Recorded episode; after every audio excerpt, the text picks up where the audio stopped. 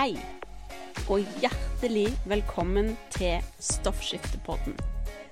Denne podkasten er for deg som har hashimotos eller lavt stoffskifte, og har lyst til å lære mer om hva du kan gjøre med kosthold og livsstil for å få en bedre hverdag. Vi har kommet til fjerde og siste steg i denne mini-hormonskolen. Jeg håper at du syns det har vært eh, lærerikt eh, så langt. Og at det kan hjelpe deg på din reise til å få det bedre, få hormonbalanse. I dag, denne episoden, så skal vi snakke om eh, detox. Som kan være et veldig sånn eh, stort område. Men det vi skal komme inn på i dag, det er eh, litt om hvorfor vi trenger å, å detoxe og hvordan du da kan støtte kroppen sin detox.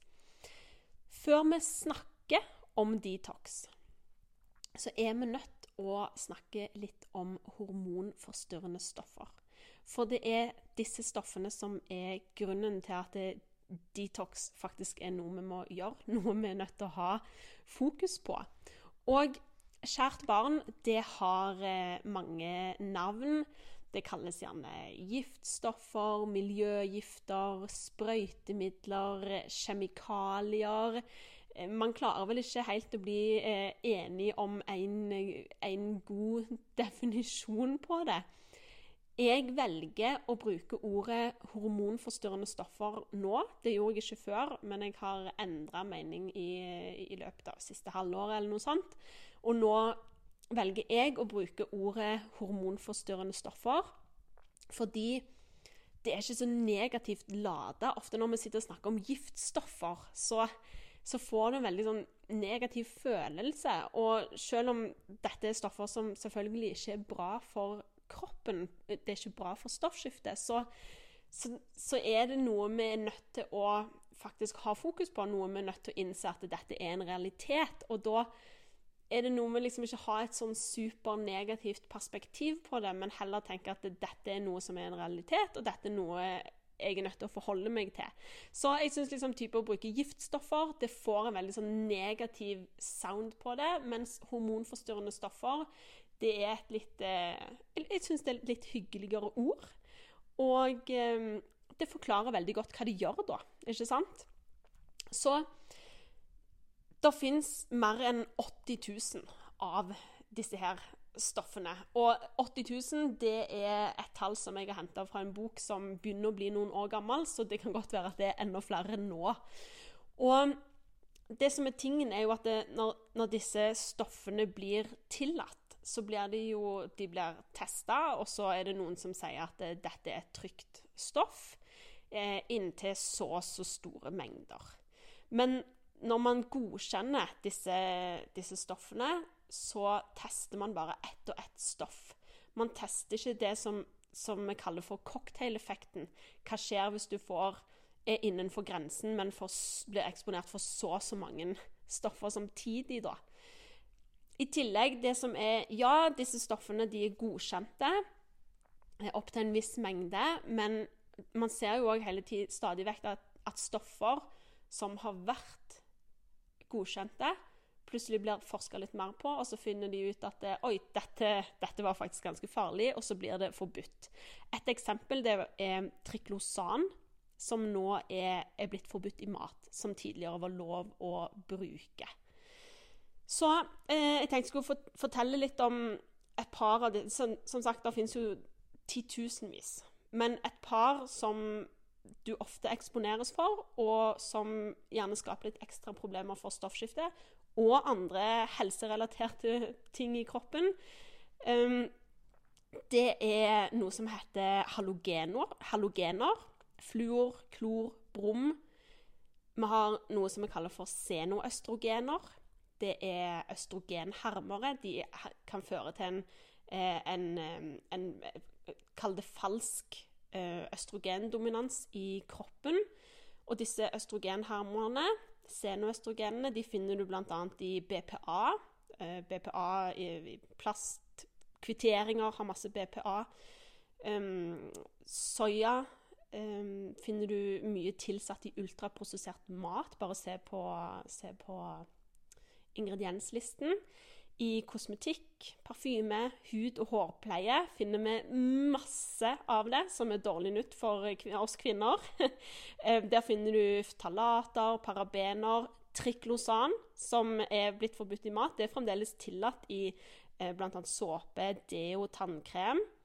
Um, og selvfølgelig, innenfor uh, hud- og hårpleie og sånt, så, det ikke, så finnes det mye som inneholder disse stoffene. Og så finnes det òg eh, det også gode alternativer. ikke sant? I Stoffskifteklubben så har vi en stor oversikt over hvilke stoffer du skal se på i ingredienslisten, eh, og ikke minst hva som er gode alternativer. da. Så har vi òg eh, sprøytemidler, som du finner masse av på frukt, grønnsaker, bær. tungmetaller, sånn som aluminium, kvikksølv. Det finner vi bl.a. mer og mer av i fisk, faktisk. Så Eh, det er noen av de kildene til hormonforstyrrende stoffer. Og bare en liten sånn um, Ikke få panikk nå, ok, hvis du tenker å, å, jeg får i meg så mye hormonforstyrrende stoffer. What to do? Ikke få panikk, OK? Litt av poenget med dette her er at uh, det er litt å bare uh, synliggjøre Altså Du er nødt til å være klar over at disse stoffene fins. Du er nødt til å være klar over at du eksponeres for dem. Men eh, ikke få panikk, OK? For, eh, fordi det er noe med å For å kunne gjøre noe med ting, så er vi nødt til å først bli klar over det. ikke sant? Så det er ikke meningen å skremme deg med å liksom ramse opp alle disse tingene, men å bare liksom gjøre gjør deg klar over at dette er en realitet. OK? Og det aller, aller, aller viktigste du gjør, det er å begynne å jobbe med å begrense eksponeringen for disse hormonforstyrrende stoffer. Og når det gjelder oss kvinner, så anbefaler jeg å starte med det du smører på huden. Fordi eh, huden det jeg kaller vi for kroppens største organ. Og altså, når du spiser noe, så må det gjennom leveren og bli filtrert før det kommer ut i kroppen. Det som du smører på huden, det går rett inn, rett inn i kroppen, rett inn i blodbanen. Det blir tas opp uten å filtreres. Og eh, da florerer en eh, teori eh, som bare så du vet det, Han er på ingen måte blitt bekrefta. Jeg har ikke funnet noe som bekrefter han, men det er noen som har lansert en teori om at det, en av grunnene til at det er flest kvinner som får problemer med stoffskifte, det er alle disse produktene som vi smører på kroppen. Det er ikke sikkert det stemmer, men det er jo en liten sånn tankevekker da. Og, og når jeg sier dette òg, så veldig mange eh, damer eh, har et veldig sånn skjært forhold til det. Sant? Du har gjerne et litt sånn rituale på badet, et selvpleierituale der du bruker disse produktene og sånt. Og, um, så, så, det kan være veldig sårt å høre om akkurat dette, da.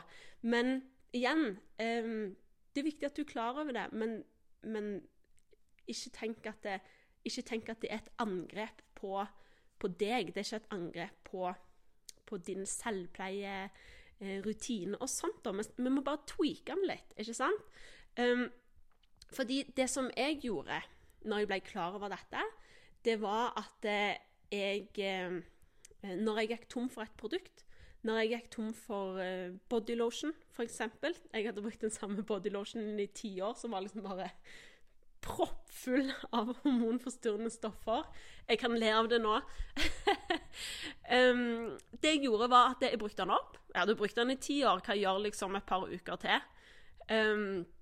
Og når jeg hadde brukt den opp, så uh, så gikk jeg over til et bedre alternativ. Da skaffa jeg meg et bedre alternativ. Jeg skulle uansett, eh, For tingen er, hvis du liksom går inn på badet og så hiver du alt du har der, og kjøper nye ting, så får gjerne systemet ditt litt sjokk. Eh, og lommeboka di kommer definitivt til å få sjokk. Men hvis du gjør det sånn at når du går tom for én ting, så bare bytter du den ut med en annen ting, så skulle du jo allikevel kjøpe en ny ting, da. Så jeg har nok bytta ut alt som er i, i, på badet mitt nå, men det tok gjerne et år før jeg hadde bytta ut alle, alle tingene. Um, bodylotion det bytta jeg ut med kokosolje. passer perfekt for min hud. Um, og så bruker jeg litt eteriske oljer i. Uh, og akkurat dette her med, med, produkter som inneholder hormonforstyrrende stoffer og bedre alternativer, for det fins nå flere og flere bedre alternativer på markedet. Eh, vi har en oversikt på dette i Stoffskifteklubben, men eh, det tar mye tid å holde den oppdatert fordi, eh, fordi det finnes så mye, ikke sant? Og det er jo nærmest umulig å gå gjennom alt som, som finnes, da. Så jeg ville ha starta med å bytte ut det du smører på huden, og velge økologiske grønnsaker. For det å velge økologiske grønnsaker det er en ganske enkel måte å begrense sprøytemidler på, rett og slett. Uh, Skitten 19, nei, Økologisk Norge de har en liste som heter Skitten 19, som er en oversikt over de 19 fruktene og bærene og de 19 grønnsakene med mest sprøytemidler i Norge. Så de kan være greit, å, kan være greit å sjekke det og begynne med å velge og prioritere å kjøpe det økologisk først, da. Men la oss nå gå litt over til selve detox-delen av, av denne episoden. Fordi eh, det er umulig å unngå alt. Uansett eh, hvor, hvor, hardt du prøver Og ja, det er viktig å begrense eksponeringen, men du klarer ikke å fjerne alt. Til og med ikke hvis du flytter til en øde øy in the middle of nowhere, klarer du å begrense alt, for det kommer fremdeles til å være i luften. Det kommer fremdeles til å være i vannet rundt den øyen, ikke sant? Eh, så vi klarer ikke å begrense alt, dessverre. Eh, men det er òg en realitet. Det, sånn, sånn, er det. Og derfor så kan det være greit å hjelpe leveren litt. Fordi eh, leveren, det er kroppen sitt avgiftningsorgan. Det er her så å si all avgiftning skjer. I tillegg så er det jo sånn at det, konvertering av stoffskiftehormon Konvertering fra inaktivt til aktivt stoffskiftehormon det skjer hovedsakelig i leveren. Og hvis leveren din er opptatt av å bare uskadeliggjøre disse hormonforstyrrende stoffene, eller er, er proppfull av hormonforstyrrende stoffer, um, så, så, har han liksom ikke tid da, til å konvertere stoffskiftehormon inn til aktivt eh, stoffskiftehormon. Det, han, eh, det, er ikke en prioritet, da. Så jeg er ikke fan av heftige detox-kurer, bare så det er sagt. Fordi altså Med mindre du har gjort noen spesifikke tester som sier at du har mye av det og det eh, tungmetallet, f.eks., uh, og går på en sånn spesifikk detox-kur for akkurat det. Men sånn til vanlig så er det sånn at det, kroppen sin egen avgiftningsprosess er helt amazing. Altså Når du setter deg inn i det og begynner å lese om det, og hvordan det fungerer, og de to fasene i leveren og utskilling og alt sånt der, så er det for det første utrolig komplisert. Jeg har lest det mange ganger og skrevet oppgaver om det og sånt før jeg på en måte virkelig skjønte det da.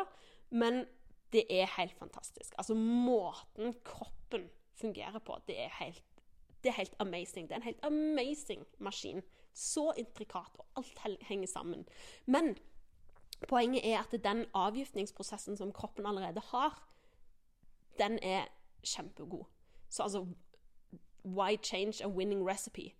Så um, sånn som det funker sånn, da, det er at det, leveren ufarliggjør uh, stoffer i kroppen. Uh, leveren tar farlige stoffer i kroppen, ufarliggjør de, og så skiller han de ut. Uh, og så skiller han de ut gjennom kroppen, da. Um, men for å få til dette, så er han avhengig av visse næringsstoffer. Bl.a. B-vitaminer, aminosyrer, antioksidanter. Du er avhengig av å ha nok magesyre for at kroppen skal klare å ta opp disse næringsstoffene. Alt henger sammen her. Du er avhengig av å ha en god fordøyelse, en sunn tarmhelse, um, at du beveger deg for å holde lymfesystemet i gang, som frakter avfallsstoffer. Og for å eh, Og det er ting som Nå er vi over på ting som støtter leveren, da. Sant? For leveren fungerer kjempebra, men han trenger gjerne litt hjelp og støtte fordi at det, det er så masse. Sant? Så han trenger disse næringsstoffene. Eh, Han trenger at du har en god fordøyelse og tarmhelse. I tillegg så er det å bevege seg, gjerne um, litt tørrbørsting som hjelper lymfesystemet å holde seg i gang. Infrarød sauna kan være en støtte. Um, du kan også spise mat som støtter, støtter, leveren. I Stoffskifteklubben så har vi faktisk en egen matplan som du kan følge. Det er litt sånn, Han er litt restriktiv, så det er litt heftig å følge han uh, hele tiden. Men du kan liksom i visse perioder, en eller to uker her og der i løpet av året, um, følge den da for å liksom gi leveren sånn ekstra, ekstra boost, da. Så for å oppsummere litt nå Disse hormonforstyrrende stoffene, de er overalt. Og det viktigste du gjør, det er å begrense eksponeringen. Men det går ikke an å unngå alt. Så leveren trenger litt hjelp og det du da kan gjøre for å eh, støtte kroppen sin egen avgiftningsprosess, det er å sørge for at du spiser næringsrik mat, så du får i deg alle næringsstoffene kroppen trenger. Sørge for at du har en god fordøyelse, tarmhelse. Ser du at dette henger sammen med de forrige stegene? Yes. Eh, ekstra støtte, bevegelse, tørrbørsting, sauna. For å støtte kroppen sin egen avgiftningsprosess. Så hva nå? Nå har vi vært igjennom disse fire stegene. Det er liksom her jeg anbefaler å starte. Det, å få disse fire tingene her på plass vil gjøre en kjempestor forskjell for stoffskiftet ditt og helsen generelt, for den saks skyld. Så det du kan gjøre da, det er Altså, du bør gjøre én ting om gangen. Det er mitt motto. sant? Du husker gjerne fra en av de tidligere episodene at det, grunnen til at du bør gjøre én ting om gangen, og også grunnen til at quick fixer og heftige dietter ikke funker, det er at det, når du gjør en ny ting, når du skal få en ny vane, så krever det masse energi i hjernen fordi du må etablere en ny nervebane. Og å ha fokus på å etablere én og én ny nervebane i hjernen, det er lurt.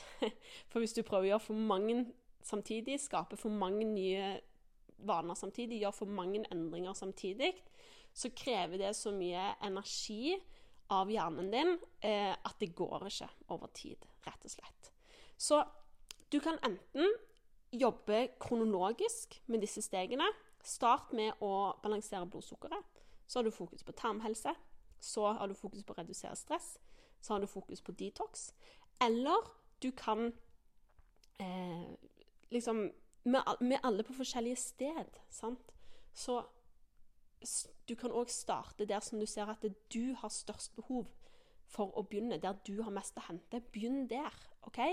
Og så gjør én endring om gangen, og la én endring, gjør én ting, en ny vane, bli automatisk før du legger til en ny ting.